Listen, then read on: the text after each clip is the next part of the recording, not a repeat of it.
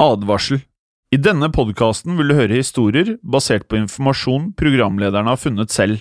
Programlederne står ikke nødvendigvis inne for meninger og syn som fremstilles. Noen påstander kan avvike fra virkeligheten.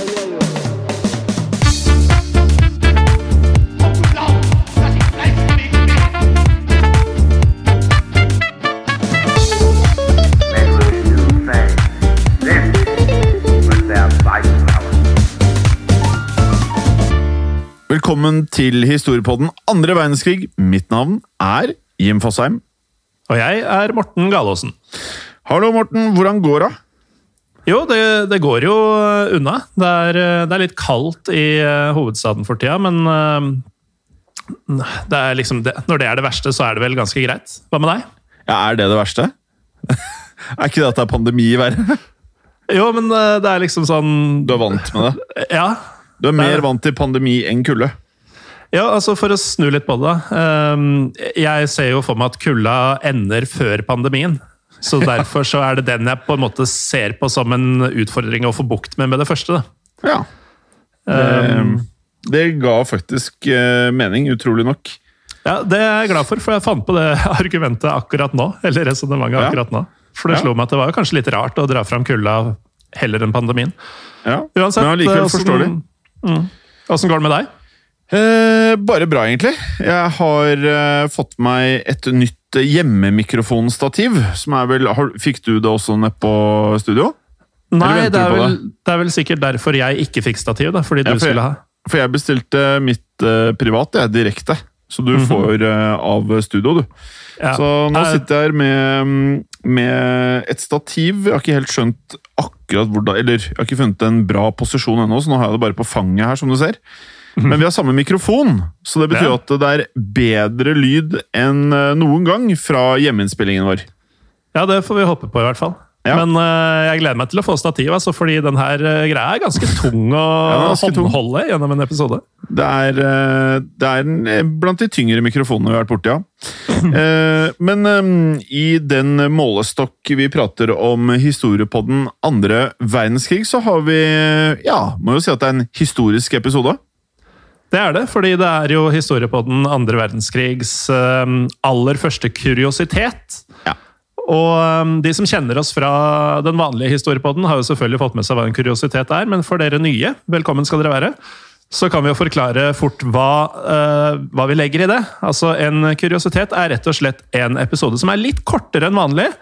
Uh, Det kan ha forskjellige årsaker. At det er en veldig sånn enkeltstående sak som det ikke er så mye å si om, eller at det er litt vanskelig å finne utfyllende informasjon, men det er da gjerne så fascinerende og kuriøst uh, at vi, vi må fortelle historien. Ja, og det som kanskje også Det var litt uventet at de fleste kuriositetene er blant de jeg husker best i historiepodden. For det er gjerne de sprøeste eller mest absurde historiene blir ofte kuriositeter. Ja, og vi tror jo at eh, dagens episode føyer seg inn i den rekka der. Fordi ja. vi skal innom en, eh, en hemmelig nazistisk spionasjeoperasjon. Det høres Ja. jo digg ut allerede, men det skal bli verre. Eh, og denne nazistiske spionasjeoperasjonen ble da klekket ut av noen av krigens mest høytstående nazister. Ja, det stemmer. Eh, men som for mange vil komme som eh, en episode og et innhold ingen har hørt om før, inkludert oss selv for bare noen måneder siden, var første gang vi hørte om dette her, da. Eh, og det som er litt spesielt der, la oss starte med liksom, hva er det man tenker på når man sier spionasje. Så tenker man jo ofte på at man spionerer eh, helst bak fiendens linjer, typisk i andre land. Men her var det da ikke snakk om denne form for spionasje, for dette fant nemlig sted i Tysklands hovedstad, altså Berlin. Slik at her var det nazister som skulle spionere da midt i nazistenes vugge. Og vi kan legge til at eh, det hele var også da eh, klassifisert topphemmelig. Altså en topphemmelig nazistspionasje. Og ble ansett som en utrolig ja, viktig stykke arbeid på denne tiden. Ja, og dette viktige stykket arbeidet, dette prosjektet, det foregikk på en arena som eh, ikke var av de mest typiske stedene man tenker på, kanskje, når man hører spionasje. Men eh, vi kan jo starte da, med personen der historien og navnet har sitt opphav. For det hele det starta med en kvinne som kalte seg Kitty Schmidt. Ja. Hun het egentlig verken Kitty eller Schmidt. Hennes virkelige navn var Katarina Zamit. Ja. Men hun var altså langt mer kjent som Kitty Schmidt. Ja, hun var det. Og Kitty hun var, eh, hun var tysk. Nærmere bestemt var hun en berliner. Um, og et viktig aspekt ved Kitty var det at hun var alt annet enn begeistret for uh, verken nazister eller deres ideologier. Og hun så på nazistenes eh, økende fremvekst under og utover 1930-tallet med stor skepsis, og så på det hele som en farlig utvikling for både Tyskland og hennes fremtid i det hun anså som et fremtidig nazifisert Tyskland. da. Og som vi nå skal få høre, så var Kitty en eh, person med handling. For allerede fra 1933 begynte hun å gjøre noe helt spesielt. Hun sendte nemlig med flyktninger penger, som i all hemmelighet da flykta fra Tyskland og over til Storbritannia. Og de pengene var ikke nødvendigvis for at flyktningene selv skulle bruke de. Hun ønsket at flyktningene skulle bruke disse pengene til å sette de inn i banker i Storbritannia. Og Grunnen til at eh, hun ønska det, var at Kitty Schmidt eh, selv ville ha penger i bakhånd dersom hun ble nødt til å flykte til eh, Storbritannia. Så etter hvert som nazistene ble sterkere og sterkere, så ble også Kitty Schmidt mer og mer bekymra. Og nå, Jim, er vi rett og slett på den 28. juni 1939. For det er denne dagen Kitty bestemte seg for at tiden hun hadde planlagt for og spart opp til, var eh, kommet. Det var tid for å forlate Tyskland og komme seg over til eh, Storbritannia og hente ut disse deilige pengene fra britiske banker. Ja, og nå har vi jo da bygd opp dette her, men dessverre for henne kom hun så aldri så langt som til Storbritannia. For allerede da hun ankom den nederlandske grensen, så ble hun pågrepet av det tyske Sicherheitsdienst, altså det tyske sikkerhetspolitiet. Slik at her sluttet ambisjonen hennes for alltid, egentlig, å komme seg vekk fra nazistenes klør. For sikkerhetsdiensten de halte henne med tilbake til Berlin, og kort tid etter de ankom Berlin, fikk hun nemlig noen valg hun skulle ta stilling til. Valget sto mellom å bli sendt til en konsentrasjonsleir, et sted hun da visste hun ville bli tvunget til brutalt tvangsarbeid, og kanskje også med døden til følge. Eller så kunne hun begynne å jobbe for nazistene og for sikkerhetsdeinsen. Ja, og ettersom eh, Schmidt som vi sa, var utrolig klar over skjebnen som møtte henne i konsentrasjonsleirene, så valgte Kitty å samarbeide med nazistene. Og med et slikt samarbeid, det hun i teorien faktisk da gjorde, Morten, var at hun tilbød sikkerhetspolitiet all assistanse og all tjeneste de måtte tenke seg, uavhengig av når de måtte ønske det, og hva de ønsket. Med andre ord, hun var nå deres. Og det passa veldig godt inn i planene til lederen for dette sikkerhetspolitiet, nemlig Reinhard Heidrich, og hans kollega Walter Schellenberg, som da var sjefen for eh, sikkerhetspolitiets utenlandsavdeling. For de anså det å ha Kitty til disposisjon som eh, høyst praktisk. Ja, og for den observante lytteren her, så lurer man nå kanskje på hvorfor Kitty var så viktig. Altså, hva er bakgrunnen til Kitty? Og nå skal dere få høre. Kitty var eh, veldig praktisk for Heinrich og Schellenberg av forskjellige årsaker, men eh, det viktigste her er det at Kitty driftet noe som het The Salon Kitty. Altså et eh, navn som eh, ringet, etter hva vi forstår, velkjent hos de rikeste og de mektigste av bordellgjester som befant seg i Berlin på denne tiden. For The Salon Kitty var, som dere nå skjønner, et bordell, og Kitty Schmidt hun var sjefen for bordellet. Og bordellet var eh, altså viden kjent og hadde et godt rykte for å Ja, eh, gjerne nazistene kom ofte på besøk, og det var også overklasse, og stort sett alle med makt som gikk på bordell, valgte The Kitty Salon. Ja, Det var rett og slett et eh, luksusbordell, og det var også hit eh, høytstående utenlandske diplomater og andre utlendinger av høy status kom for å oppleve Kitty Salons eh, ja, luksuriøse tjenester i, eh, i lokaler av ypperste klasse. Og som man kan tenke seg til her, da, så var det jo viktig for kundene med, med diskresjon. Og um, ikke minst vakre kvinner, noe de hadde rykte på seg for å levere. Og var ansett for å være et av byens mest attraktive bordeller. Ja. Uten at jeg veit helt hvor man fant lister over det. Og som lytterne nå kanskje allerede har lagt merke til, så er jo navnet på hovedpersonen i denne episoden, og navnet på dette bordellet er jo ganske likt.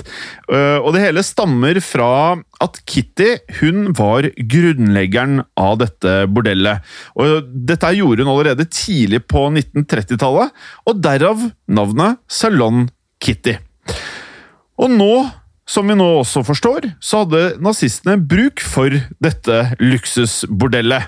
Og Schellenberg, som fikk ansvaret for prosjektet, fortalte Schmidt at hun kunne fortsette å drive bordellet sitt slik som hun alltid hadde gjort, og at kvinnene som jobbet for henne, kunne fortsette sitt arbeid også, akkurat som tidligere. Men sikkerhetstjenesten skulle fra 1939 ha en finger med i spillet her. Og Heidrich, altså overhodet for hele sikkerhetstjenesten, han mente at bordellet kunne komme til stor nytte. Og vi kan stoppe litt ved Heidrich her og understreke litt hvor viktig han var i Nazi-Tyskland på denne tiden. For han var nemlig en av lederne bak altså hele holocaust. En sentral skikkelse i selve planlegginga av dette enorme folkemordet på jødene under andre verdenskrig. Og så grusom eh, var han at han gikk under et uh, kallenavn som uh, nok for veldig mange vekker avsky. Han ble altså kalt Det blonde udyret.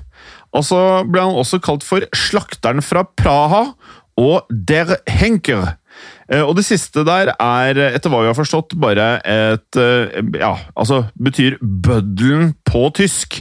Og da spesielt en bøddel som henretter gjennom henging, etter hva vi har forstått. Ja, og dette er jo kallenavn som, eh, som sier litt om hva slags rykte han har, da, hvor mye folk frykta han, og hvor mye de frykta grusomhetene som han var ansvarlig for.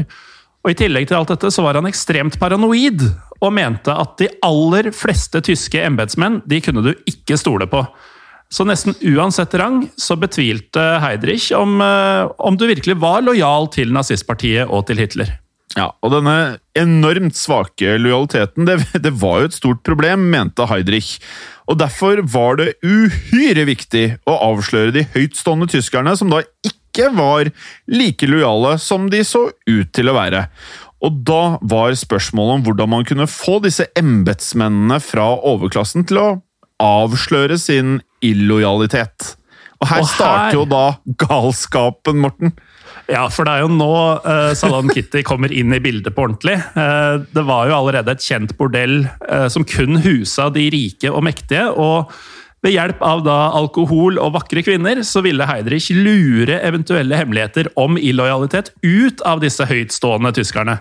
Han ville ja, rett og slett gjøre Salon Kitty til et spionasjebordell. Ja. Og her må man jo tenke seg litt eh, hvordan dette her faktisk tok eh, sted, altså hvordan det må ha vært. Ehm, for det her er jo da å egentlig spionere på sine egne folk. da, så Det var jo andre tyskere på av alle steder et bordell. Og Heidrich han ga tidligere nevnt Schellenberg ansvaret for å drive hele prosjektet. Og da bare for å eh, understreke hvor viktig kollegaen til Heidrich, altså Schellenberg, hvor viktig han eh, så på dette prosjektet, så var det slik at han og sikkerhe- sikkerhetsdiensten de sørget for påkostede renovasjoner og også oppussing i bordellets eh, øvre etasjer, slik at det skulle bli enda mer fiffig, altså enda mer attraktivt for viktige, sofistikerte menn. Eh, Og dette skulle nå bare sementeres som førstevalget innen bordellvirksomhet i Berlin. Slik at her var det, etter hva vi har forstått, et fantastisk interiør, og egentlig bare alt det dyreste av møbler som penger kunne kjøpe. Ja, og Neste steg var jo da å skaffe passende kvinner til denne overdådigheten. og Heidrich hadde jo høye standarder han for kvinnene som skulle bli hans nye spioner, og han satte da frem visse krav. De måtte selvfølgelig være vakre, de måtte være intelligente, de måtte kunne flere språk. Og ikke minst elske nazismens sak. Det var et, det var et must. Og så var det sånn da, Morten, at eh, det var et siste krav da, som fremkom i disse eh, dokumentene som ble sendt ut til Div nazistkontor over hele Berlin. Og det var at alle kvinnene måtte, og dette her var ekstremt viktig etter hva vi forsto, de måtte være gale etter menn! Ja, de måtte være gale etter menn, selvsagt. Eh, alle disse mm, nazistkontorene som fikk denne bestillinga. De var eh, administrative kontorer som skulle lete etter frivillige frøkner og fruer som passa disse beskrivelsene. Og noen av de utvalgte skal til og med ha vært, eh, vært gifte kvinner, og de skal ha kommet fra rike familier selv. Så mm, om det virkelig var frivillig, da, eh, eller om de utvalgte kvinnene visste at det bare var å, å gjøre som nazistene sier for å unngå straff, det er vi ikke helt sikre på. Nei, men eh, sikkerhetstjenesten lette ikke bare gjennom Berlins administrative kontorer. For politiet fikk også beskjed om å raide Berlin, altså gatene etter prostituerte. Og sikkerhetstjenesten de valgte ut det de anså som de vakreste av de prostituerte der de gikk. Og etter da at eh, både disse kontorene i Berlin og politiet hadde avlevert alle passende kvinner til sikkerhetstjenesten, så er vi i 1940, og Heidrich han velger ut 20 stykker som skal få profesjonell opplæring. Og disse 20 kvinnene de fikk virkelig opplæring i eh, alle eh, forførelsens kunster, og hvordan de skulle lirke disse hemmelighetene ut av intetanende embetsmenn og diplomater og hva som nå dukka opp der. Og de lærte også å kjenne igjen forskjellige militæruniformer. Ja, de gjorde det. Og alle damene som jobbet her, ble også eksperter på å si akkurat de riktige tingene. Ifølge sikkerhetsdiensten så var det slik at man måtte bli god på å fiske. Og all fisking etter hemmeligheter skulle fremstå som ja, i form av uskyldige spørsmål. Um, og Deres oppgave var å forføre og også avhøre menn eh, som var brisne, og gjerne hadde, var også kanskje fulle, vil jeg anta, på bordellets uh, alkohol, og kanskje det var andre ting der også, før de da hadde sex med disse mennene. En liten twist her er at Kitty Schmidt selv hun eh, fikk ikke vite at de 20 kvinnene var spioner. Hun fikk eh, bare beskjed om at gruppa med kvinner skulle jobbe i bordellet hennes, og at de skulle ta seg av de helt spesielle kundene. Og de spesielle kundene var de som sa at de kom fra Rotenburg. Ja, og her er det slik at det er en frase. Jeg kommer fra Rothenburg. Det var nemlig en hemmelig kode, og den ble kun gitt til de høytstående nazistene, som eh, sikkerhetspolitiet da mistenkte for å ikke være lojale til Nazi-Tysklands sak, slik de da hadde gitt inntrykk av. Og slik vi da forstått det, så var det sånn da at nazistene kom inn på Salon Kitty og var oppfordret til å si at de var fra Rotenburg idet de kom. Og disse bordellkundene de trodde jo at dette bare var en kode for, eh, for, en gratis hyggekveld på bordellet, men i virkeligheten så var det noe helt annet. Det betydde jo i praksis at du var på en, eh, en liste. Ja, og som vi da sa innledningsvis, så sa vi at dette var topphemmelig. Og, og da mener vi topphemmelig, for det var ingen utenfor sikkerhetstjenesten som visste noe som helst om denne operasjonen eller spionasjen. da.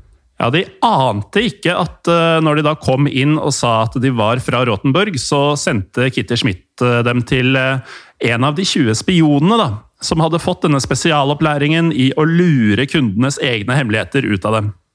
Og slik det da skal ha foregått, så var det sånn at de prostituerte da skrev ned alt de hadde fått ut av kundene, rett etter at kundene hadde dratt, og lagde rapporter, og disse rapportene ble jo da sendt videre.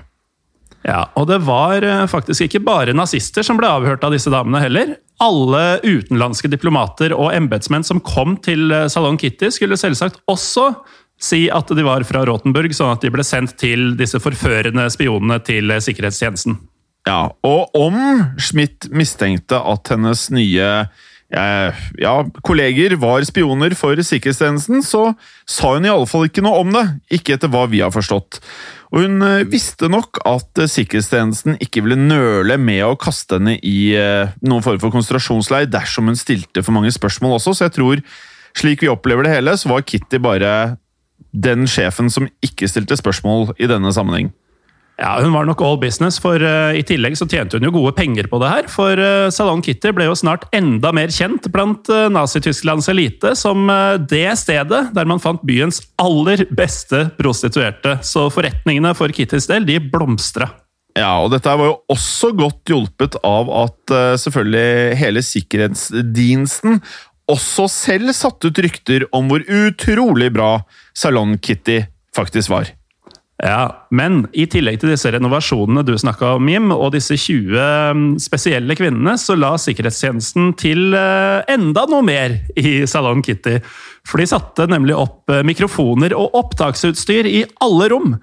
Så fem agenter fra sikkerhetstjenesten de lytta til enhver tid til kundenes besøk hos disse spionkvinnene, og skrev ned alt som ble sagt, til og med under selve mm, elskovsakten. Ja, og eh, kvinnene ante faktisk ikke annet enn at de skulle drive ut eh, spørsmål av kundene, så de ante heller ikke at de ble avlyttet. Og disse mikrofonene var eh, selvfølgelig Så fikk jo da eh, sikkerhetsdiensten med seg hva kundene faktisk sa, men det var også for å sjekke at de prostituerte faktisk fortalte dem sannheten, og at de da var til å stole på at det var en høy grad av kredibilitet i rapportene de sendte av gårde. De eneste tilfellene der disse damenes kunder ikke ble avlyttet, det var når menn fra sikkerhetstjenesten selv skulle mm, hva skal vi si, inspisere spionene. Ja. Ehm, Tysklands eh, sikkerhetselite var da de eneste som eh, unnslapp avlytting når de eh, besøkte Salon Kitty. Og etter hva vi har forstått, Morten, så skal det ha vært en general fra sikkerhetstjenesten som skal på et tidspunkt ha krevd alle 20 kvinnene for seg selv en hel natt. Eh, og etter hva vi også har forstått, så har også Heidrich selv også besøkt Salon Kitty, og det skjedde ikke bare én gang. Han skal ha vært innom Salon Kitty mange ganger i løpet av denne perioden. Ja, og Heidrich og denne generalen de slapp jo da å bli avlyttet siden de var eh, på riktig sted i systemet. Men eh, de som slapp å bli overhørt, var jo da i et eh, stort mindretall, selvfølgelig. Og sikkerhetstjenesten skal ha gjort eh, hele 25 000 hemmelige opptak av bordellbesøk. Og de var ikke de eneste som besøkte dette bordellet, for eh, etter hva vi har forstått, så var det en britisk sikkerhetsagent. Han skjønte faktisk hva som foregikk på det berømte Salon Kitty, så han besøkte bordellet og plantet sitt eget avlyttingsutstyr i et av rommene. Nå begynner det å bli komplisert her. altså. Nå begynner det å bli komplisert. Eh, for det første så vet jo ikke de prostituerte at eh, sikkerhetsdiensten har mikrofoner i rommene. Og nå vet ikke sikkerhetsdiensten at det er briter som har mikrofoner i rommene. Slik at nå var det sånn at eh, britisk etterretning lærte mm, Eller ønsket å lære mye hemmeligheter gjennom dette, men dessverre så var det ikke store hemmeligheter de fikk, fikk eh, ved denne avlyttingen, som ikke heller er overraskende. Men uh, en ting som de faktisk fikk med seg, det var at de, ja, de, de smuglytta til propagandaminister Josef Goebbels. Da han kom innom Salong Kitty og bestilte uh, såkalte lesbiske opptredener, altså at uh, kvinnene hadde sex med hverandre foran Goebbels. Og dette er jo bemerkningsverdig fordi Nazi-Tyskland anså lesbisk aktivitet som unazistisk. Og noe som brøt hardt med normene gode tyske borgere var ment å følge, og derfor uakseptabelt. Og som vi vet, så var jo Goebbels eh, sjef for det som var av nyheter i Tyskland. Også nazipropagandasjef. Så det at han da ikke fulgte sine egne eh, ja, retningslinjer, det kommer vel egentlig ikke veldig overraskende for oss, men det var i hvert fall tilfellet.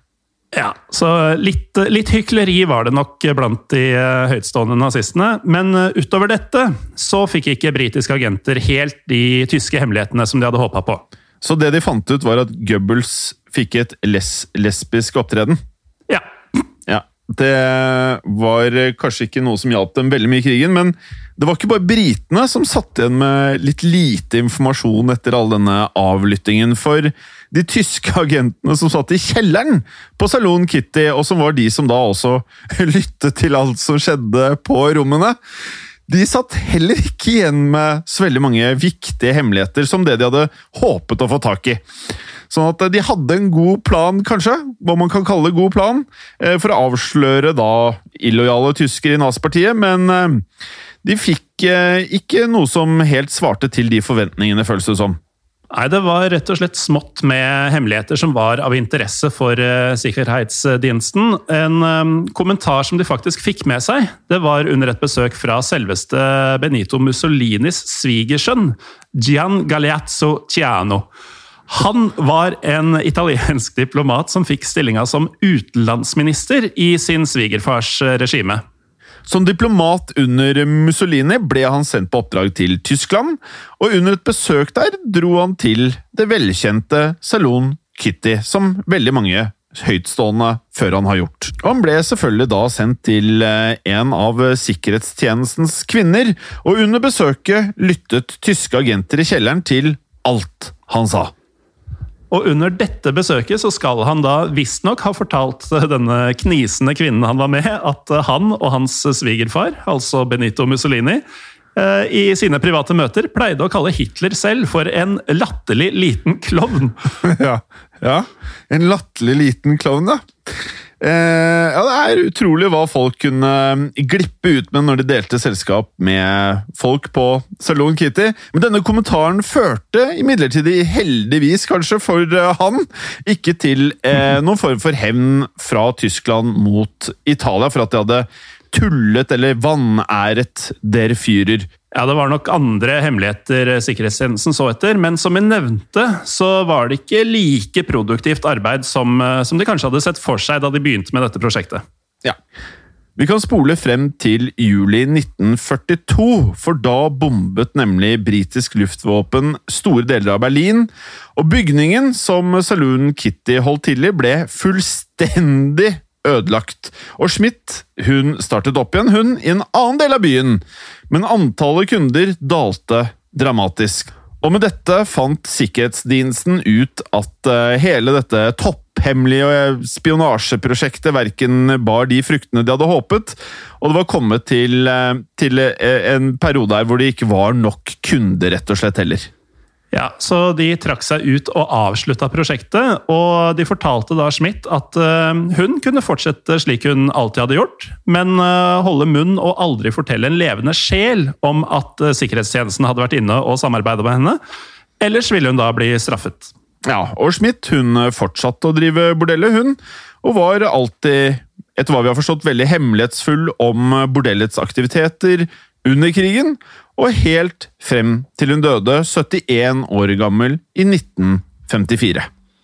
Og de aller fleste av de 25 000 opptakene nazistene gjorde i Salon Kitty, de ble destruert rett etter krigen. eh, Rett og slett fordi de ikke inneholdt interessante hemmeligheter og ikke var til noe særlig nytte for noen. Ja. Og med det så kan vi jo si at uh, kuriositeten vår om, uh, om Salon Kitty nærmer seg slutten.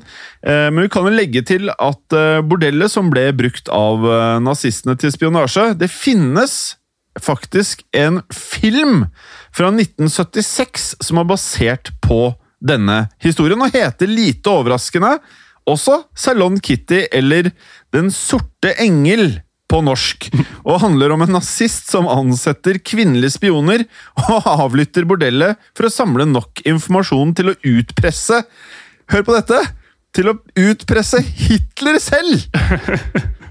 Og det høres ut som en god idé, men uh, den filmen skal ikke ha fått noen særlig um, gode anmeldelser. Uh, I hvert fall hvis man tar kjapt, en kjapp kikk på internett, så hevdes det at filmen har lite substans, annet enn at den forsøker å være sensasjonell og provoserende, rett og slett bare for å være sensasjonell og provoserende. Og et lite søk på IMDb, så er det da 4038 respondenter har gitt den 5,4 stjerner av 10 mulige, da. Ja, Når vi får fem stjerner, så blir vi veldig glad, men fem stjerner på IMDb det er ikke helt det samme. Nei, det er ikke det samme. Eh, og med det, kjære lyttere, så um, ønsker vi veldig gjerne at dere faktisk da rater oss på iTunes. Og fem stjerner, som Morten sa, det gjør oss utrolig glade. Legg gjerne med en liten kommentar der hvis dere har tid. Og utover det så har vi jo da denne Facebook-gruppen vår som heter Historie for alle, som nå, ja, nå er vi på 2600 medlemmer. Wow. Ja, og eh, masse kommentarer. Og ingenting er morsommere enn når vi har da disse her, eh, folk som deler tre, fire, fem forskjellige eh, artikler i løpet av en helg, så blir det jo veldig mye samtaler dem imellom, og det er gøy for oss å se på, syns jeg, da. Mm, absolutt. Og um, på samme måte så kan man jo bruke både den gruppa, men også Facebook-siden eller uh, Instagram-profilen vår, som begge heter Historiepodden Norge, til å f.eks. sende oss forslag til episoder. Det er veldig mange av dere som gjør det, og vi utvider da dette arket vårt, dette svære Excel-arket vårt, Jim, som bare blir større og større hele tida. Så vi hører Ja. på dere, altså. Ja, vi hører på dere, og eh, vi setter utrolig pris på at uh, dere kommer med alle disse flotte tilbakemeldingene. Og mange av episodene i første sesong av Historiebåten andre verdenskrig er faktisk fra dere lyttere, så det er ekstremt viktig også at dere gjør dette her. Ikke sant? Men uh, da, Jim, er det vel bare én ting igjen å si. Ja, det er det, for det har skjedd. Og det kan skje igjen. Ha det bra. Ha det! I produksjonen av Historiepodden så ønsker vi å takke Håkon Bråten for lyd og musikk. Takk til Felix Hernes for produksjon. Takk til Ellen Froktenestad for tekst og manus. Og takk til deg, Morten Galesen, for programlederrolle. Og takk til deg, Jim Fosheim, for programlederrolle. Moderne media. Kiwi er billigst i VGs matbørs og har vært billigst i fire av de fem siste VGs matbørser. Og nå presser vi prisene på frukt og grønnsaker. På 200 gram broccolini setter vi prisen til 24,90. På 400 gram Cevita blåbær setter vi prisen til 49,90. Og husk, alle Kiwi Pluss-kunder får i tillegg 15% trumfbonus på all fersk frukt og grønt. For det er vi som er prispresserne. Og vi i Kiwi gir oss aldri på pris.